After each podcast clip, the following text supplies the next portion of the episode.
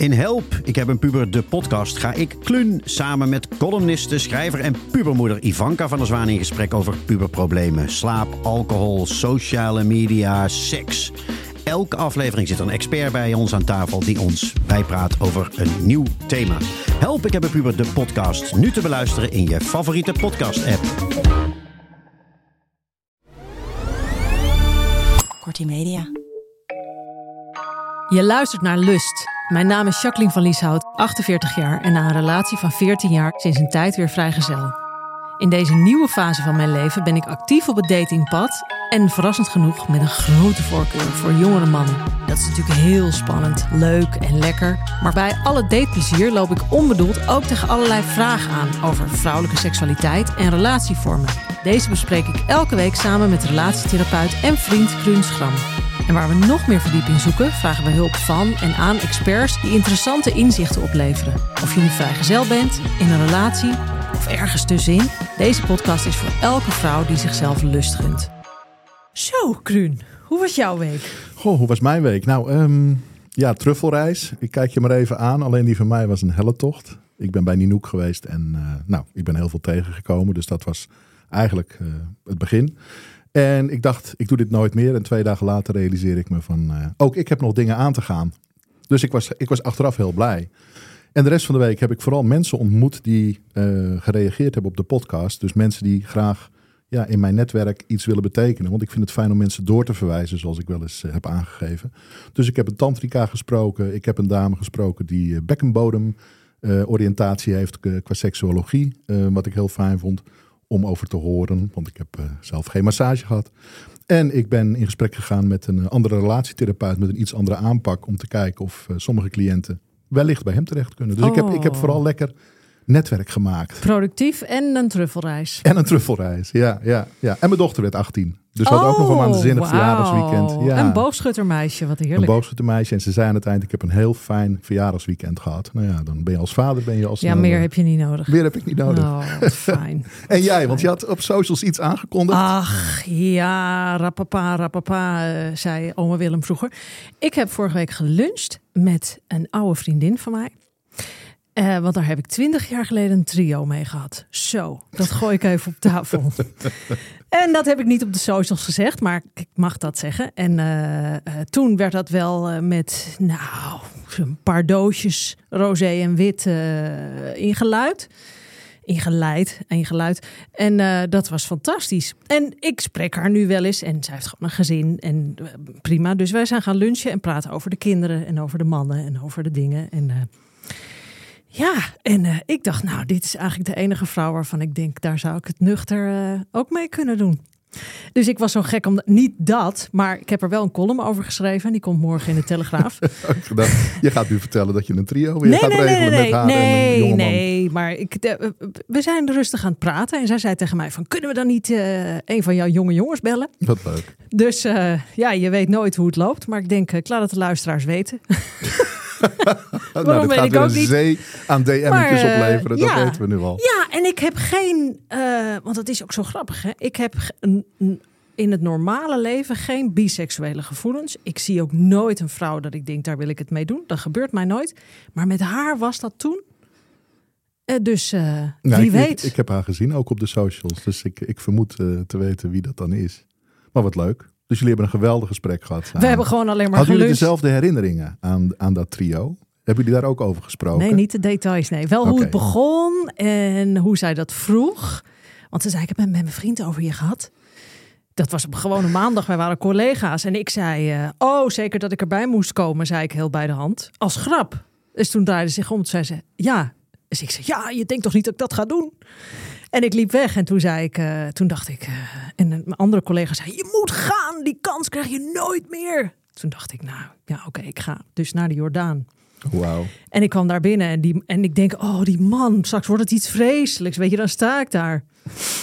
en hij deed open. Nou, ik denk, dit, is een blok. ongelooflijk. Dit kan niet. Twee van die hele knappe mensen. En hij was wijnhandelaar en er was sushi en champagne en god. Nou, het was gewoon, nou ja, uit een droom. Dus ik had het nooit willen missen. Wat leuk. Dus na twintig jaar kun je als uh, late veertiger nog zeggen... Kom, laten we dat nog eens doen met een appelsap. Want het leven is te kort om het niet te doen. Het leven is te kort om het niet te doen. Dus eh, ja, wat gezellig. Nou, en in het kader daarvan heeft onze gast daar misschien ook nog wel eh, iets uh, therapeutisch over te zeggen. Vandaag is bij ons de gast de bekende relatietherapeut, systeemtherapeut en consulent seksuele gezondheid Nienke Nijman. Zij schreef twee boeken, De Relatie APK en Schaamteloze Seks. Ook is ze podcastproducent en regelmatig als expert in de media te zien als expert op het gebied van seks en relaties. Wij kijken er naar uit om met haar in gesprek te gaan over mijn zoektocht, maar ook relatievormen, intimiteit, seks en nog veel meer. Nog veel Nog meer. veel meer. Welkom. Welkom Nienke. Dank jullie wel. Ja, lieve Nienke. Ja. Mag ik je wat vragen? Ja, je Is- mag meteen is- beginnen. Ja, ik is, op de is die dokter. man ook nog steeds in beeld bij... Nee. eh, bij- oh. We hebben hem wel geappt oh. tijdens onze of lunch. Die, of die zich misschien dienstbaar wilde opstellen. Nou ja, ik ben dan meteen van de gekkigheid. Dus ik zeg, kom, we gaan. Dus je maakte een foto dat ik achter haar sta, een soort van in de oor bijt. En die hebben we dan naar hem gestuurd. Dus eh, zo van, weet je het nog? Dat soort teksten. Fijn, fijn. En reactie gekregen of ja, niet? hij was meteen, oh ja, eh, poeh, ja, dat weet ik nog wel. En eh, nou, eh, ik zal de een van de bijzondere rosé weer uit de kast halen. En toen zei ik, eh, ik zei, nou, dan toch een, een klein appelsapje voor me. Zei ik. Heel goed, heel goed. Dan moet je je voorstellen dat die telefoon open ligt thuis. Paswoord net eventjes nog niet ervoor. En daar pakt zijn vrouw deze telefoon. En dan zitten ze een week later bij mij. Want zo gaat dat. Zo komen Ja, dit maar soort zo zorg ik uit. Toch voor klanditie bij je. Dus dat is, je moet toch ook die cirkel een beetje rondmaken. En daar draag je graag aan bij. Ja. Ja, heel goed. Heel Wel goed. leuk. Is leuk. dit, eh, zijn dit veel voorkomende toestanden, Nienke? Eh, en wat precies dan? Nou, dat er, eh, dat er mensen een trio willen als stel. En dat ze zeggen, Ja, ja. Eh, er zijn, dat, het trio is wel een van de dingen die mensen heel vaak benoemen als dit, dit zouden we willen. mannen en vrouwen. Ja, mannen en vrouwen. En wisselend met een voorkeur of er dan een extra man of extra vrouw bij betrokken wordt. Maar het hele bijzondere is dat als je het hebt over, over trio's. Ehm, nou de herinnering zoals jij hem hebt, eh, dan is natuurlijk maar de vraag: het is een herinnering, dus in hoeverre is het geromantiseerd of is het echt zo geweldig geweest als dat je nu ehm, beschrijft? Maar trio's zijn heel vaak verdomde lastig om op zo'n hele fijne, opwindende manier te realiseren. Maar zeker als je elkaar niet kent. Ja, maar ook als je elkaar wel kent. Want wat zijn de regels? Wat zijn de grenzen? Wat zijn. Wat, ja, eh, eh, mag jij eh, zomaar aan de ander gaan zitten zonder dat er toestemming wordt gegeven? En dan heb ik het niet zozeer over consent, zoals het in de afgelopen twee jaar heel veel in de aandacht is geweest. Maar als je dus een stel bent, dan heb je daar dus altijd te maken met een, een bondje. Er zijn allerlei Ja, ja. emotionele verbindingen die daar zijn aangegaan. Dus op het moment als je dan een, een trio hebt, daar is iemand anders bij. Ja, dan word je dus geconfronteerd met allerlei situaties, met emoties, waar je nog niet eerder eh, mee in aanraking bent geweest. En wat doet dat op dat moment met je? En wat spreek je er dus over af? Wat je daarmee mag doen Ja. op dat moment. Zeg je maar niks, onderga je het maar en komt achteraf een hele lading aan van ja, ik was het er niet mee eens of ik voelde me niet op mijn plek en jij hebt me niet goed in de gaten gehouden. Of spreek je van tevoren alles al helemaal door, wat ook een deel dus van het spontane en de magie misschien een beetje eraf haalt. Ja. Maar dan kom je misschien, voorkom je misschien dus wel dat je in die onprettige gesprekken achteraf terechtkomt. ja, maar dat is dus de toestand als je als stel zoiets aangaat. Want Ja. ik kan me dan ook voorstellen als je even een hetero-stel, hè, zoals we nu geleerd hebben vorige week, een cis-hetero-stel Een mens mensen. met een penis en een mens met een vagina. Ja, die dan met elkaar en dan komt er een vrouw bij. Dat dan de vrouw in de relatie zegt: Ja, en ik zag dat jij haar neukte en dat je daar erg van genoot. En je keek er heel verliefd aan of zo. Of Nou, je dat deed soort dingen dingen. met haar die thuis. Dat soort dingen Ja. kunnen. Maar het kan natuurlijk ook net zo goed dat de twee dames zo'n seksuele klik met elkaar hebben. Mhm. Dat die eigenlijk volledig opgaan in hun lichamelijke contact. Maar vindt een man Maar dat, dat- erg? Nou, dat Sommige mannen. Sommige mannen zullen dat Ja. niet erg vinden. Andere mannen zullen toch ergens een beetje het gevoel hebben: hé, hey, en ik dan? En dat is een beetje het, het, misschien wel een beetje het risico op het moment dat je dus een trio hebt, in wat voor samenstelling dan ook. Je moet je aandacht verdelen. En op het moment dat er één iemand even geen aandacht krijgt, Ja. wat gebeurt er dan met Ja. die persoon? En dat klinkt allemaal super niet opwindend, super niet spontaan, super niet sexy. Maar dat is wel waar je rekening mee moet houden. Dus eigenlijk denk ik altijd bij uitstek dat een trio, het idee daarvan is super fijn. Als mensen daar heerlijke fantasieën over hebben, dan moeten ze daar vooral um, over fantaseren en heel veel plezier en opwinding uit halen. Maar je moet je ook afvragen of je dit dus echt in de werkelijkheid wil gaan uitvoeren, omdat het vaak gewoon iets complexer is. Met wie doe je het? Waar doe je het? Op welk tijdstip? Ja. Plan je het? Kijk, het, het mooiste zou natuurlijk zijn, um, denk ik, als je uh, spontaan, als je of met een of met een vriend of vriendin of een je partner op stap bent, en je komt iemand ja. tegen ja. en het is leuk en het is gezellig en vanuit daar ontstaat het. Ja. Maar dat is natuurlijk heel vaak niet de realiteit. Nee, kijk, ik heb natuurlijk vaak ook met cliënten wel over die er een fantasie over hebben. Hè. 2018 Lehmiller, een groot onderzoek in Amerika. Het is de meest voorkomende fantasie. Hè. 90% van de mannen, 80% van de vrouwen om en nabij. Dus het is echt een ding. Maar inderdaad, hoe doe je dat de eerste keer? En het ideaal van iedereen is van ja, we zien een leuke serveerster of we zien een leuk iemand aan de bar en het klikt en we nemen hem mee. Maar ik adviseer mensen toch vaak om eerst een veilige berring te creëren en het in te kopen desnoods. Dus of met een erotische massage, met een dame erbij. Of hè, je hebt ook hele goede gigolo-diensten. Om dus ellende te voorkomen. Ja, zodat je het ook kan afbreken als het niet goed voelt of klein kan houden of kan doorpakken als. Maar dat je sowieso een hele sterke primaire verbinding hebt. Ja, waar die ander sowieso niet tussen kan komen. Ja, en dat er ook niet stiekem wordt geappt achteraf. Zie jij nog dingen. met haar te appen? Ja, nee, sterker nog, dat je niet eens de naam weet. Gewoon, en voor sommige stellen denk ik dat dat echt de beste doorgang is. Maar ja, inderdaad, het neemt de spontaniteit een beetje weg. Wat juist weer heel juicy kan zijn en een geweldige herinnering kan creëren. Kijk naar jezelf twintig jaar later, dat je het er nog over hebt. Ja, maar ik vind het heel goed wat jij zegt, Nienke, van is het nog zo leuk als dat het uh, was? Want dat is misschien ook een reden om het niet te herhalen. Dat ja, we gewoon want dan maar, heb je die uh, herinnering. ja. Maar het is inderdaad wat jij zegt. Um, als, je, als, je, als het echt iets is waarvan je als stel denkt... hey, dit willen wij, dit willen wij gaan proberen. Zeker zo'n eerste keer. Maar we willen ook zien hoe wij er als stel op reageren. Dan kan je altijd contact opnemen met een, uh, met een escortbureau. En dan kan je dus ook gewoon aangeven... God, dit Ja. zijn onze wensen. We vinden het bijvoorbeeld heel spannend. We weten niet hoe we erop gaan reageren. En dan zorgen zij dus ook dat degene die komt dat hij daar dus echt een, nou ja, een soort van begeleidende rol in gaat spelen. En continu gaat checken, hey, is dit oké? Vind je het ook goed als? Zodat daar continu, eh, nou ja, dat daar iemand is die dat overzicht houdt, die er niet emotioneel bij betrokken is. En die ook continu kan afstemmen hoe, hoe het met jou gaat. Je moet eigenlijk een scheidsrechtertje hebben. Nou, een fluitje. bijna, ja, maar bijna wel. Luister. Bijna wel. Nou, enigszins een therapeutische blik kan geen kwaad op zo'n moment. Ja, nee, Ja. maar dat is dus ook zo leuk. Want heel veel mensen denken daar inderdaad van... nou, we trekken gewoon iemand... of Heel veel mannen denken dat waarschijnlijk het lekker, iets lekkers uit, eh, uit de club... en dat eh, nemen we mee naar huis. Goed, dokter Nijman. Jij hebt onze podcast misschien wel gehoord. Af en toe. Af en toe. Is je af- wat opgevallen? Oeh, is dit een, eh een sturende Nee vraag? gewoon, nee, ik ben gewoon benieuwd. Ik ben gewoon benieuwd. Wij zijn natuurlijk zoveel verder. We zijn op aflevering 23. We hebben heel veel eh, meegemaakt, gedaan. En ik vind het altijd interessant om te horen of een therapeut, psycholoog, seksoloog, expert, noem het maar op, denkt: Goh, dit viel mij nou op. Mm, ik heb niet afle- alle afleveringen geluisterd. Ehm, wat mij wel opviel, was dat er voor een aantal dingen soort van heel hard op zoek wordt gegaan naar concrete antwoorden. Waarvan de antwoorden in werkelijkheid gewoon heel vaak niet zo concreet zijn. Geef eens een voorbeeld. Ehm, nou, bijvoorbeeld ehm, jouw interesse in jonge mannen.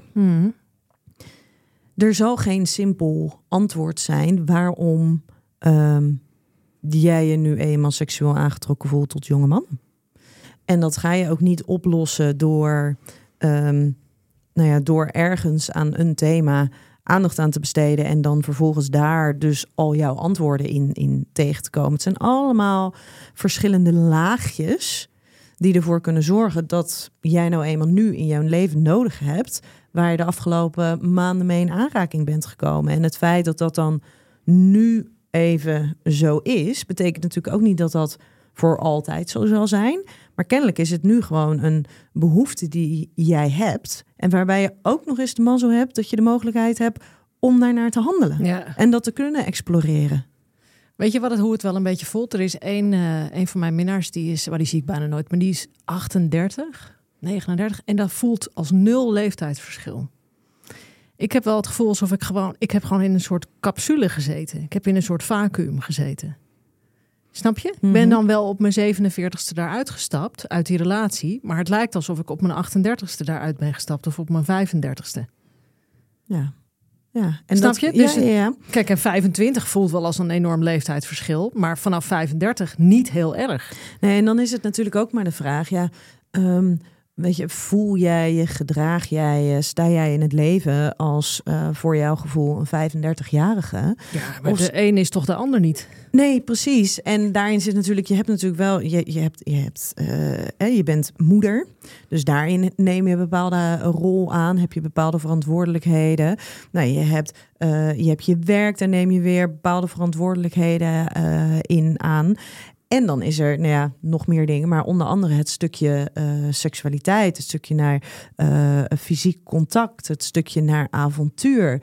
Ja, en dat lijkt misschien dan een beetje bijzonder voor heel veel mensen dat dat op, nou ja, op jouw leeftijd, dat dat ook een behoefte is die jij hebt. Terwijl waarom zou je dat niet mogen voelen en waarom zou die behoefte ehm, niet passend zijn bij jouw leeftijd? Nou, ik vind het heel wonderlijk dat ik bergen DM's krijg van vrouwen die zeggen: Ik doe dit al jaren en niemand weet het. Nee, precies. En daar zit natuurlijk dan het verschil. Jij hebt, jij, jij- ja, jij hebt dat opengetrokken. Het lastige daarbij natuurlijk is dat op het moment dat je jezelf eh, blootstelt en jouw eigen verhalen deelt, is dat je hoe dan ook daar kritiek op gaat krijgen. Of het nou gaat over je seksualiteit, of over een stukje spiritualiteit, of over je werk, of over hoe je sport. Weet je, dat is, dat is een soort van inherent aan de samenleving waar wij op dit moment in Ja. leven.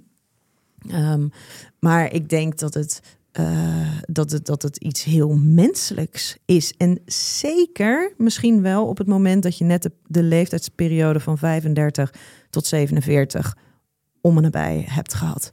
Want dat is toch een periode die in het teken staat voor heel veel mensen. Eh, opvoeding van de kinderen, het focussen op carrière, het focussen op het, eh, nou ja, het vormgeven van duurzame relaties. En dat zijn eigenlijk zijn alleen al deze drie dingen. Dat zijn aspecten van het leven die niet heel veel ruimte per se laten voor gooi je haars los, doe eens gek, ga op pad. Ga lekker daten, ontmoet nieuwe mensen. Nee, het is vaak juist een hele veilige, ehm, eh, afgesloten Ja, maar het vliegt levensfase. Het vliegt ook Ja. voorbij. Je bent ineens wakker en dan denk je: Wat de fuck is er gebeurd? Ja, maar dat heeft ook te maken Hoezo met. ben ik.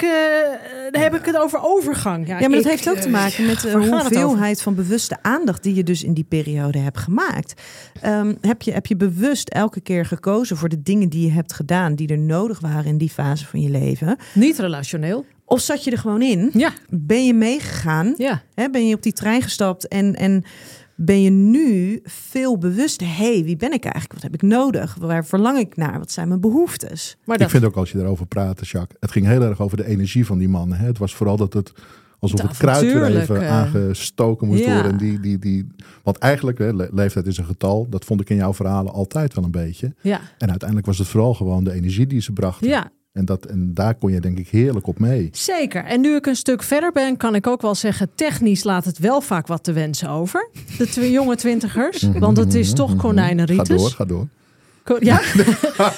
nee, maar het is toch, weet je, als ik dan toch wat langer denk ik, ja, er zijn er toch echt wel een aantal geweest. Het is wel veel konijnen. Het is dat porno imiteren. Het is dat script volgen. eh, ja, en dan vraag je je dus ook ten eerste af, vinden jullie dit zelf daadwerkelijk leuk? Of imiteer je ook gewoon alleen maar wat je ziet? Ja. Maar Krun, hoe, hoe is het dan voor jou dat het dan zo vaak in de verhalen gaat over, eh, nou ja, echt wel jonge mannen die vaak ook echt een stuk jonger zijn? Weet je, ik vind dat vooral ontzettend leuk. Ik ben 56. In onze tijd dat ik jong was, was dat niet zo. Vrouwen van boven de 40 keken niet naar jonge mannen onder de 25. Tenminste, het viel mij niet op. En dat het nu wel gebeurt, vind ik alleen maar een grote stap vooruit. Het is natuurlijk altijd zo geweest dat oudere mannen naar jongere meiden keken. En nu is er andersom kennelijk ook een hele gezonde dynamiek aan het ontstaan. Waar in ieder geval Jacques ongelooflijk gelukkig van is geworden. En heel veel vrouwen inderdaad mij ook berichten sturen van ik doe het al jaren. En ik vind het geweldig. Maar voor jou als man van 56, want dat betekent... Dat, maar weet je, mijn, mijn seksualiteit en mijn beleving daaromheen is zo totaal anders. Dat, weet je, ik, ik zit zo vol in mijn eigen seksualiteit met mijn vrouw binnen mijn relatie. Die klopt voor mij zo. Dat Dat ik iedereen al het andere gun wat ze daar vinden en krijgen. Ik, ik beschouw het niet als concurrentie voor iets wat er voor mij al dan niet zou uh, hoeven zijn. Zo voel ik het helemaal niet. Weet je wel, het is een spel wat we met z'n allen kunnen spelen over alle leeftijden heen. En over alle oriëntaties heen. En over alle seksuele vormen heen. Dus dat mag er gewoon allemaal zijn. Ja, en ik vind dat alleen maar heel mooi. Ik hoop dat veel meer vrouwen zoals Jacqueline zich laten inspireren. Ook vrouwen in relaties durven aankaarten bij hun man. Van joh, weet je, het is al jarenlang alsof ik luier sta te verschonen zo saai. Ik wil feest, ik wil actie. Luister naar die Jacqueline. Dat is waarom ik dit zo'n fijne podcastserie vind. ja, maar echt. Trek de glazen was er naar binnen. Laat hem hier maar, je, zit, je zit heel verrast te kijken, Nienke. Verrast dit antwoordje? Nee, nee, nee, nee. Maar omdat um, de focus zo, zeg maar, uh, best wel vaak ook ligt in, in de dingen die jij uh, vraagt. Juist expliciet op die jonge mannen. Weet je, mm -hmm. het gaat mhm. niet gewoon over mannen. Het gaat elke keer over jonge mannen. Ja. Dus daar lijkt dan toch een beetje iets in door te klinken. Van ja, wat maakt het dan zo bijzonder of specifiek dat het die jonge mannen zijn? Ja, maar dat, kijk, dat is natuurlijk omdat ik zie dat het is de zoektocht van Jacqueline geweest, hè, deze podcastserie. Het gaat over haar zoektocht. En daar wil ik me dienstbaar aan maken. En vandaar dat ik die vragen vooral die kant op oriënteer. Ik kan hier wel die boze mannen gaan lopen uithangen die haar al die directe berichtjes sturen. Van komt u maar even in mijn armen, dan zal ik u wel eens even laten weten. Maar daar zit ik niet. Ik ben gewoon heel nieuwsgierig waar Jacques tegenaan loopt en tegen, wat ze tegenkomt. En hoe vind jij het dan als man van 56 om net even te horen dat, um, dat de kwaliteit toch wat te wensen overlaat bij die jongere ja, toen zei ik, vertel verder, vertel verder. Moest ja, ik een precies. beetje om lachen. En ik denk dat dat klopt, maar ik denk dat dat probleem uh, voor een stukje ook komt. En dat zie ik ook in mijn eigen spreekkamer. Dat hoor ik veel bij jonge stellen. Dat porno een enorm stempel heeft gedrukt op de seksualiteit van veel jonge mannen toevallig van de week een stel. En zij zegt van ja, nou, het, voor, het voorspel stelt weinig voor. Daar is hij niet zo handig in. En daarna begint het piffen. Ik zeg, goh, en hoe lang duurt het dan? Nou, drie kwartier tot een uur ongeveer heeft hij, eh, heeft hij nodig. Zo, dat is lang piffen. Meerdere keren per week. Dan denk ik van ja, dat, nou ja, dat, dat is niet een, een iets wat voor mij helemaal klinkt als gemiddeld. Maar vanuit porno snap ik het. Want dat is natuurlijk wat je in porno heel veel ziet. Oneindig doorgaan. Mannen die niet ejaculeren. Of uiteindelijk in het cumshot. Maar het is, het is gewoon echt de pornificatie van de huidige samenleving. Ja, terwijl de gemiddelde vrijpartij... en dat is, het is het, cijfers binnen seksuologie zijn heel erg lastig. Want uh, op het Iedereen moment dat het... Nou ja, of het zijn sociaal wenselijke ja. antwoorden... of het wordt in die zin wetenschappelijk onderzocht. Als je kijkt bijvoorbeeld naar Masters en Johnsons, die hebben daar natuurlijk een enorm belangrijke basis gelegd. Wat is dat? Masters en Johnsons, dat Zijn eigenlijk de eerste die wetenschappelijk onderzoek hebben gedaan eh, naar seksualiteit. En die hebben ook de, eh, de opwindingscyclus hebben ze helemaal uitgemeten. En hebben ze dus gekeken van hey, wat gebeurt er nou met het, met het eh, nou ja, aan opwindingsreacties, zowel bij mannen als bij vrouwen.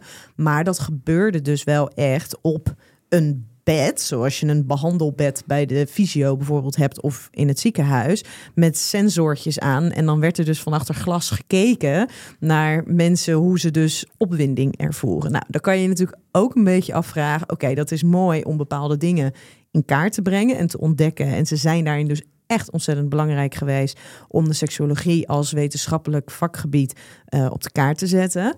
Maar het is natuurlijk niet de setting waarin de meeste mensen seks hebben. Plus de eerste onderzoeken werden gedaan met prostituees. Omdat dat, ja, er waren niet zo heel veel mensen beschikbaar Ja. die dit wilden doen.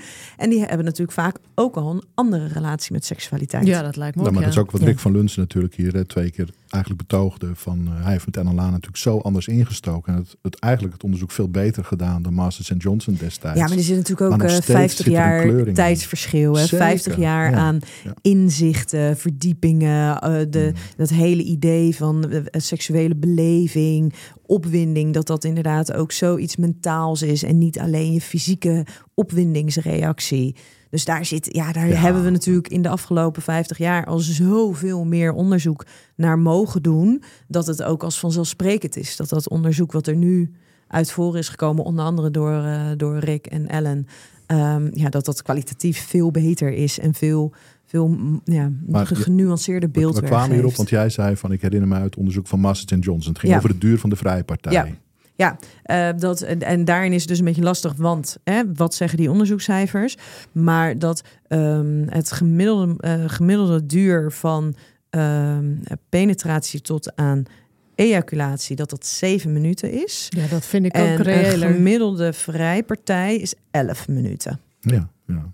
Ja, dat, Ja, ik vind een uur ook dat is altijd in eh, lijn met wat. Ja, nee, bizar. vreselijk. Ja, en meerdere keren per zou ik zeggen, maak het even lekker zelf af, joh. Zoek maar het het uit. bi- bijzondere is dus ook dat er dus mannen komen en die hebben het gevoel alsof ze dus eh, erectieproblemen hebben. Ja. Omdat zij dus eh, na een half uur ehm, hun erectie verliezen. Omdat ze dus gewoon denken, ja, ik moet uren door kunnen Ja. gaan. En als je die druk al voelt, want dat is natuurlijk de meest gehoorde klacht, denk ik, bij seksuologen als het gaat over mannen, is het dat ze te snel Voortijdig, klaarkomen, ja. voortijdig. Ja, maar daar Ja, zit echt. dus wel weer het hele interessante. Want wanneer is een probleem een probleem? Als je het hebt over een erectieprobleem, dan moet het vanaf moment. Ja, er staat dus, dat is heel ingewikkeld. Binnen de, in de DSM, dus dat is de diagnostische bijbel, richtlijnen voor eh, psychiatrische eh, aandoeningen, stoornissen, is dat het vanaf moment van penetratie tot aan orgasme, dat dat binnen een minuut is.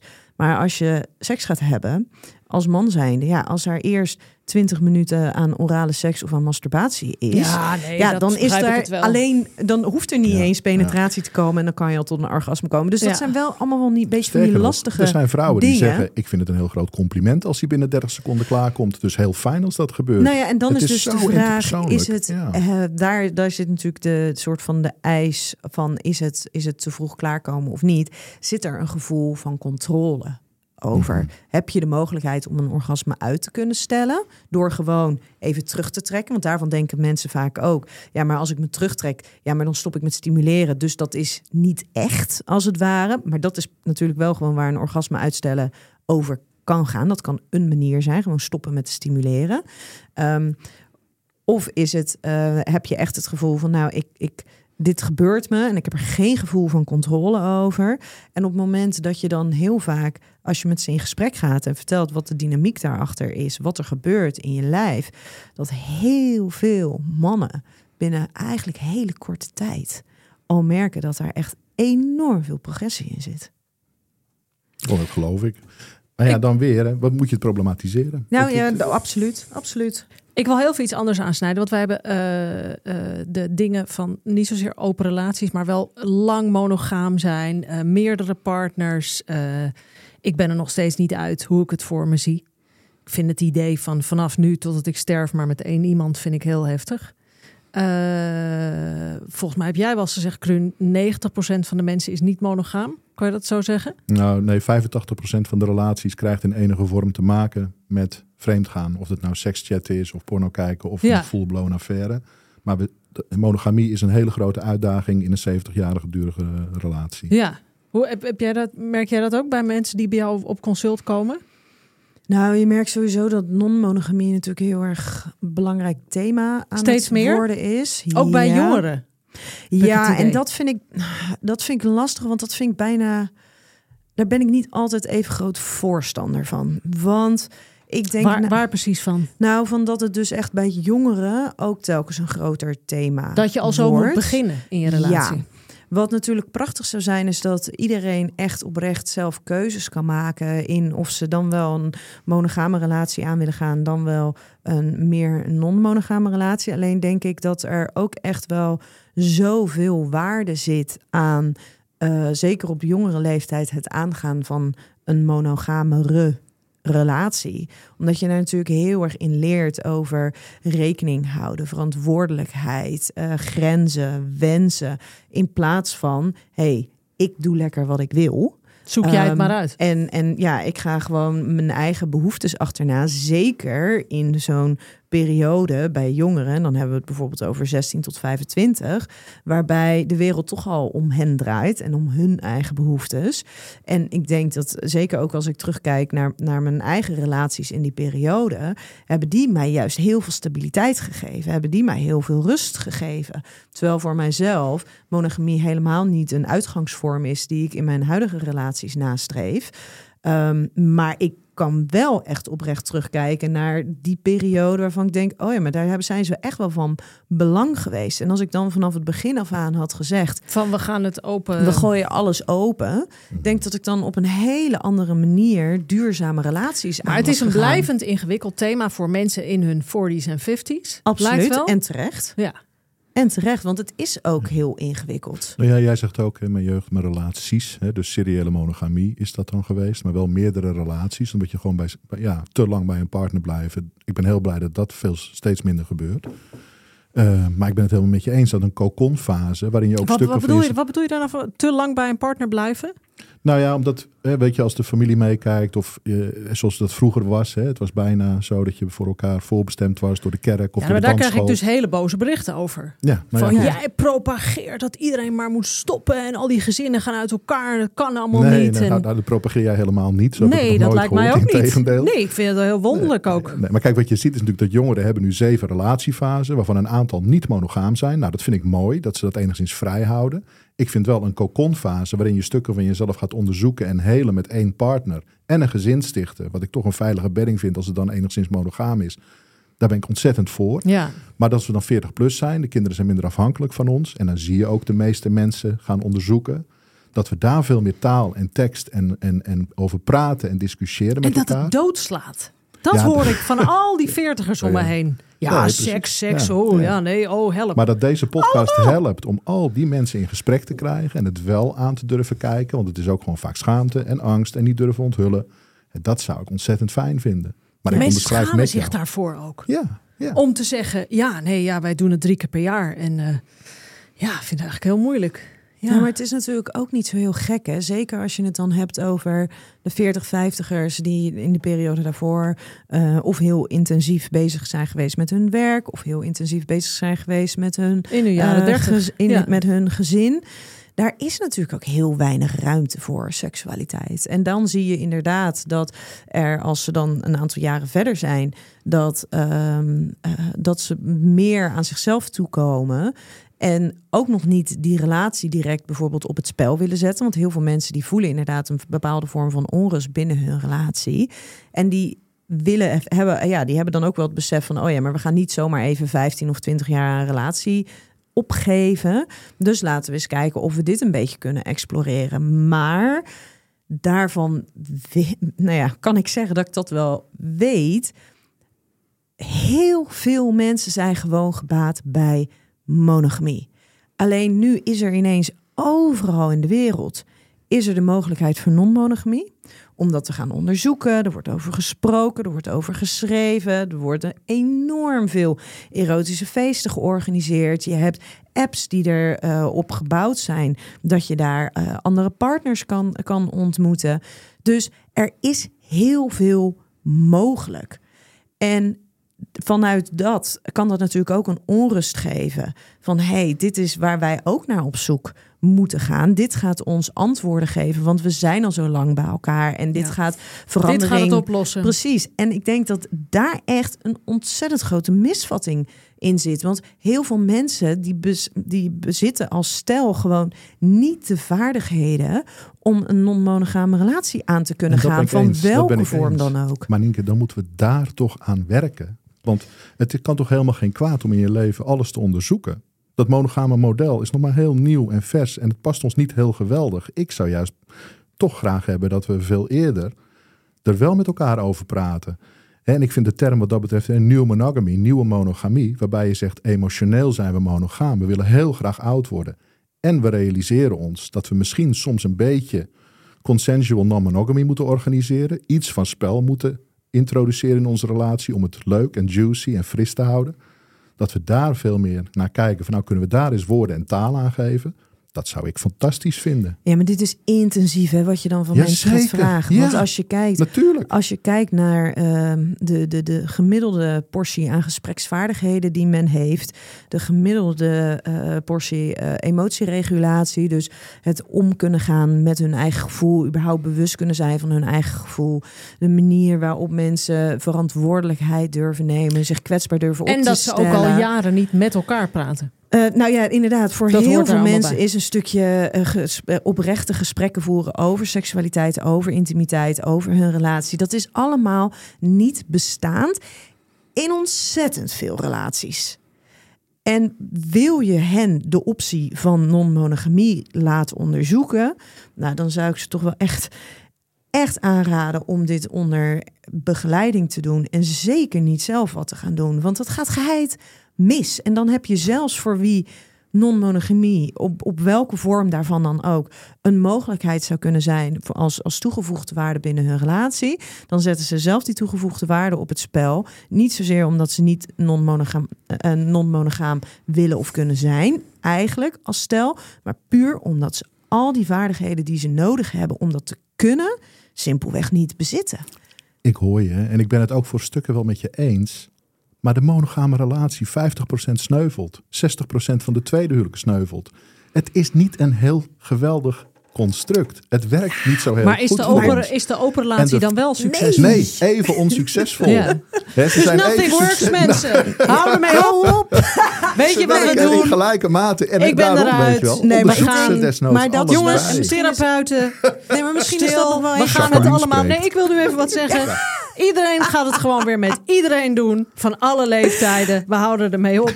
Klaar. Geen relaties, geen huwelijken meer. Stoppen. En voor alle haatmail die jij nu krijgt, ja, even klein- DM mij maar. Ja. Ik ben er klaar Nee, mee. maar ik denk wel, nee, maar dat vind ik echt. En nogmaals, ik praat met zoveel mensen over non-monogamie. Ik begeleid heel veel stellen ehm, met monogamie. In mijn eigen podcast heb ik er eindeloos gesprekken over. Maar het is niet zo simpel. Klopt. En ik denk dat er heel veel mensen, al is het maar vanuit een gevoel van eh, hechting, vanuit een, een, een, een uit ang- angsten of, of wat dan ook, die zijn zo, zo verschrikkelijk gebaat bij monogamie. En ehm, het is niet dat monogamie ontzettend makkelijk is. En dat heeft ook hartstikke veel aandacht da- nodig. Maar voor heel veel mensen is dat zoveel veiliger dan eh, non-monogamie. Ik vind het allemaal echt heel moeilijk. Wat? Nou, het hele verhaal. Omdat, ik me, omdat je natuurlijk met... En ik snap dat ik open deuren intrap. Maar je hebt met twee mensen te maken. En dat is natuurlijk het moeilijke. Die evolueren, die veranderen, die groeien, niet groeien. Eh, nou ja, wat, wat betekent dan niet monogaam zijn? Want stel je bent, je bent Exact. 50 jaar samen. En jij benoemde net al eventjes van hè, dat je dus ehm, onderscheid kan maken. Hé, maar wij zijn emotioneel gezien zijn we wel monogaam, maar seksueel gezien mogen wij eh, contacten met anderen aangaan. Maar als je een periode van 50 jaar samen bent, nou, ik maak hem iets korter, 25 jaar samen. Daar is geheid inderdaad een periode waarin mensen in beweging komen en gaan ontwikkelen. ja. Er zijn periodes als vanzelfsprekend dat men wat minder in verbinding met elkaar staat. Maar op het moment dat je afspreekt gedurende een bepaalde periode, hey, we laten elkaar, we geven elkaar wat meer ruimte. En in die ruimte, Of we Ehm, doen dingen samen. nou ja, of we doen dingen samen, of maar er komt in ieder geval een, een, een, er wordt bijvoorbeeld er wordt een bepaalde ruimte gecreëerd. Ehm, als die vervolgens die ruimte vervolgens weer wordt afgerond en je besluit, hey, dit is toch niet voor ons. Het is helemaal goed geweest dat we dit nu hebben gedaan, want het was nodig voor Ja. deze fase in onze relatie. Maar laten we nu weer even de volledige aandacht op elkaar richten. Betekent dat dan dat je een non-monogame relatie hebt? Ben je, betekent dat dan dat je non-monogaam bent? Of gaat het dan eigenlijk veel meer, zoals dat ook met seksualiteit gaat, in golven, waarbij je in fases van je leven heel erg de behoefte hebt Maar om je hoeft toch niet te monogaam te, zijn? Nee, te maar dat is wel tegenwoordig een beetje wat er wordt gevraagd. Je bent of je bent non-monogaam of je bent eh, monogaam. Dus je moet kiezen. Nou, eigenlijk is het wel een beetje wat ben je? In plaats van hey, ik ben gewoon ik Ja. en ik kijk Stel in de verschillende hetero fases. Ik of, vind- wie, Nou, of ben ja. je homo. Ja, Ja. nou ja, goed, dat. En, maar je, je bent serieel monogaam of je bent nieuw monogaam. Ik vind het op zich ook wel fijn dat daar wat meer kleuring in komt dan alleen maar monogaam, niet monogaam en poly. Ja, maar er zit natuurlijk in het hele non-monogaam ehm, zit, zit al een enorm, enorme Palet. diversiteit. Enorm. Ja. En, en eh, als je het dan weer over non-monogaam, eh, non-monogamie hebt of poly, ja, dat lijken ook twee, twee aparte werelden. Ja. Eh, terwijl heel veel mensen merken, en dat vind ik altijd wel mooi ook om te zien, van oh ja, we gaan eerst gaan we dat stukje non-monogamie gaan we een beetje onderzoeken. En die komen er ineens achter van hé, maar dat geeft zoveel onrust. En dan komen ze richting dat polygamie, zonder dat ze van tevoren ooit hadden gedacht dat ze daar aan uit zouden komen. En dan denken ze ineens, hé, maar dit werkt veel lekkerder voor, voor ons. Dus daarin denk ik dat labels plakken, zoals met alles. En als je het hebt over die jongeren van tegenwoordig, die allemaal vrij van labels wil zijn, die verdomde goed zijn. in Ja, want ik krijg ook een nieuw label nu. Wat ik krijg ben jij de, dan? de, de biseksuele Cougar. cis-hetero. Nou, niet. Niet meer. Nee, niet hetero dus. Mens, Biseksuele. mens met een vulva. ik weet Die het graag niet seks meer wat ik heeft. ben. Ik weet het niet meer. Ja. Nee, maar kijk, Nienke, uiteindelijk gaan wij elkaar vinden in het stuk dat eh, communiceren met elkaar hierin heel belangrijk is. Dat het onthullen naar elkaar welke fantasieën er zijn, zonder dat die meteen eh, eh, in de werkelijkheid uitgeleefd hoeven te worden. Dat dat heel gezond kan zijn voor een relatie. En dat je met elkaar eventueel begeleiding kan zoeken als je een spannende stap aan wil in enige vorm. Dat Ja. hoor ik je ook zeggen. En daarmee zeg ik ook van ja, sluit het daarmee ook niet uit. Want in heel veel relaties kan een monogamie ook fnuikend worden voor een van beide partners. Die dan toch denkt van ja, ben ik dan raar? Ben ik dan vies? Ben ik dan stout? Ben- Is er iets mis in mijn je- Heb ik een jeugdtrauma? Daar willen we ook niet naartoe. Nee, maar het gaat dus ook niet over ehm, eh, dat, het, dat het dan niet bespreekbaar mag worden. Ik denk dat het wat het belangrijkste is, is dat men bij zichzelf gaat eh, nagaat, gaat voelen. Wat zijn mijn seksuele behoeften? En dat het heel prettig is als, eh, als men daarin durft alles aan te gaan. Maar dat het ook dus een optie mag zijn dat daar die behoefte aan monogamie is. Ja. En eigenlijk in heel veel van de gesprekken die er worden gevoerd, mis dat stuk. Dat is ook een Oké. optie. Dat Ja. is Ja. ook Ja. oké. Weet je, het is duidelijk dat de meeste mensen gewoon monogaam willen zijn. Maar lekker vreemd willen gaan. Nou Toch ja, even een valkje langs de A9 mis- willen pakken. misschien, misschien ergens ook wel. Ja, Die want hebben dat ook is helemaal spannend geen. en dat is gekkigheid. Ja, En we zeggen niks. En want er zijn Don't natuurlijk heel veel mensen tell. en die Ja, zitten tussen aanhalingstekens in een monogame relatie.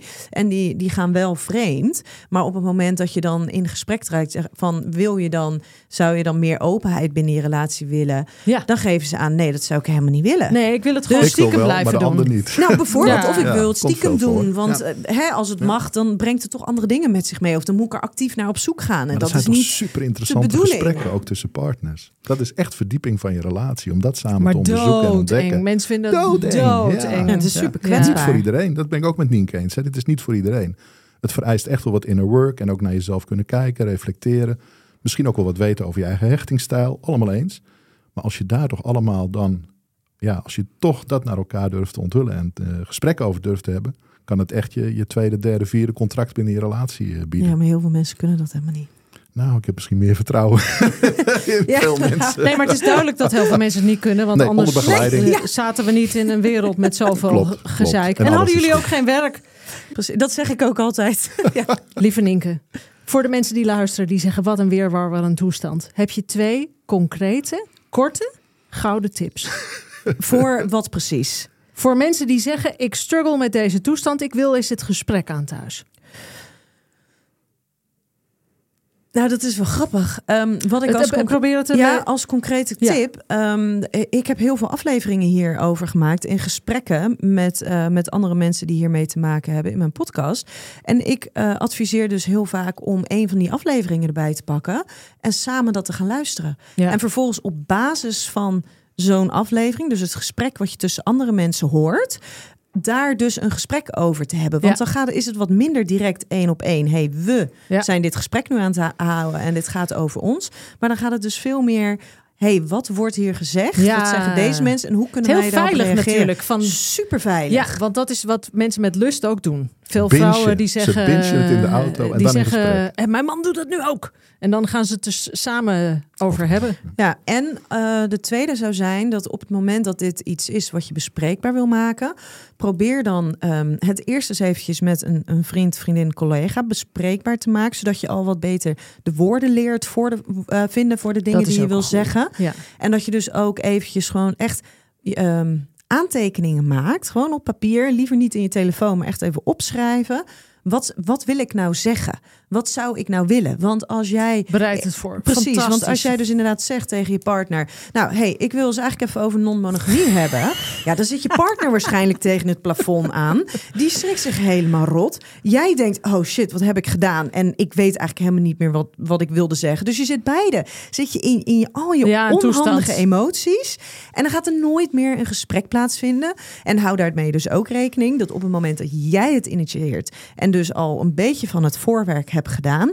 dat als je je partner overweldigt, dat dienstreactie, dat kan vanuit weerstand, onzekerheid, Ja. onverwachtheid, overweldigendheid zijn, Trauma. schaamte, ongemak, kan vanuit van alles komen. Dus anticipeer daarop En reageer daar gewoon heel liefdevol op. Ga niet proberen je punt door te drijven, maar heb daar even aandacht voor. Hartstikke goed. Helemaal eens. Ja, Nienke, fantastisch dat je er was. Heerlijk om naar je te luisteren. En bedankt eh, voor, eh, voor, voor alles wat je hebt gezegd. Je hebt een paar boeken geschreven die mensen kunnen lezen. En je hebt een fantastische podcastserie, je noemde hem al even. En die heet Seks, Relaties en Liefdes. En daar is Jacqueline ook te horen. Kijk eens Ook aan. nog eens. Oeh. Ja, en een van de gasten die hier ook al eerder is eh, eh, geweest, The Mentor of Man. The Mentor of Man. Mentor of Man. De mompel, onze mompelaar. Precies. Onze mompelvriend. Oké, lieve Nienke, dank je voor de mooie inzichten, lieve luisteraars. Veel plezier de komende week. Kijk ook eens naar de buurvrouw in plaats van alleen maar naar de buurman. Neem de glazen wasser mee naar boven. Maak er wat van. Het leven is namelijk te kort om het niet te doen.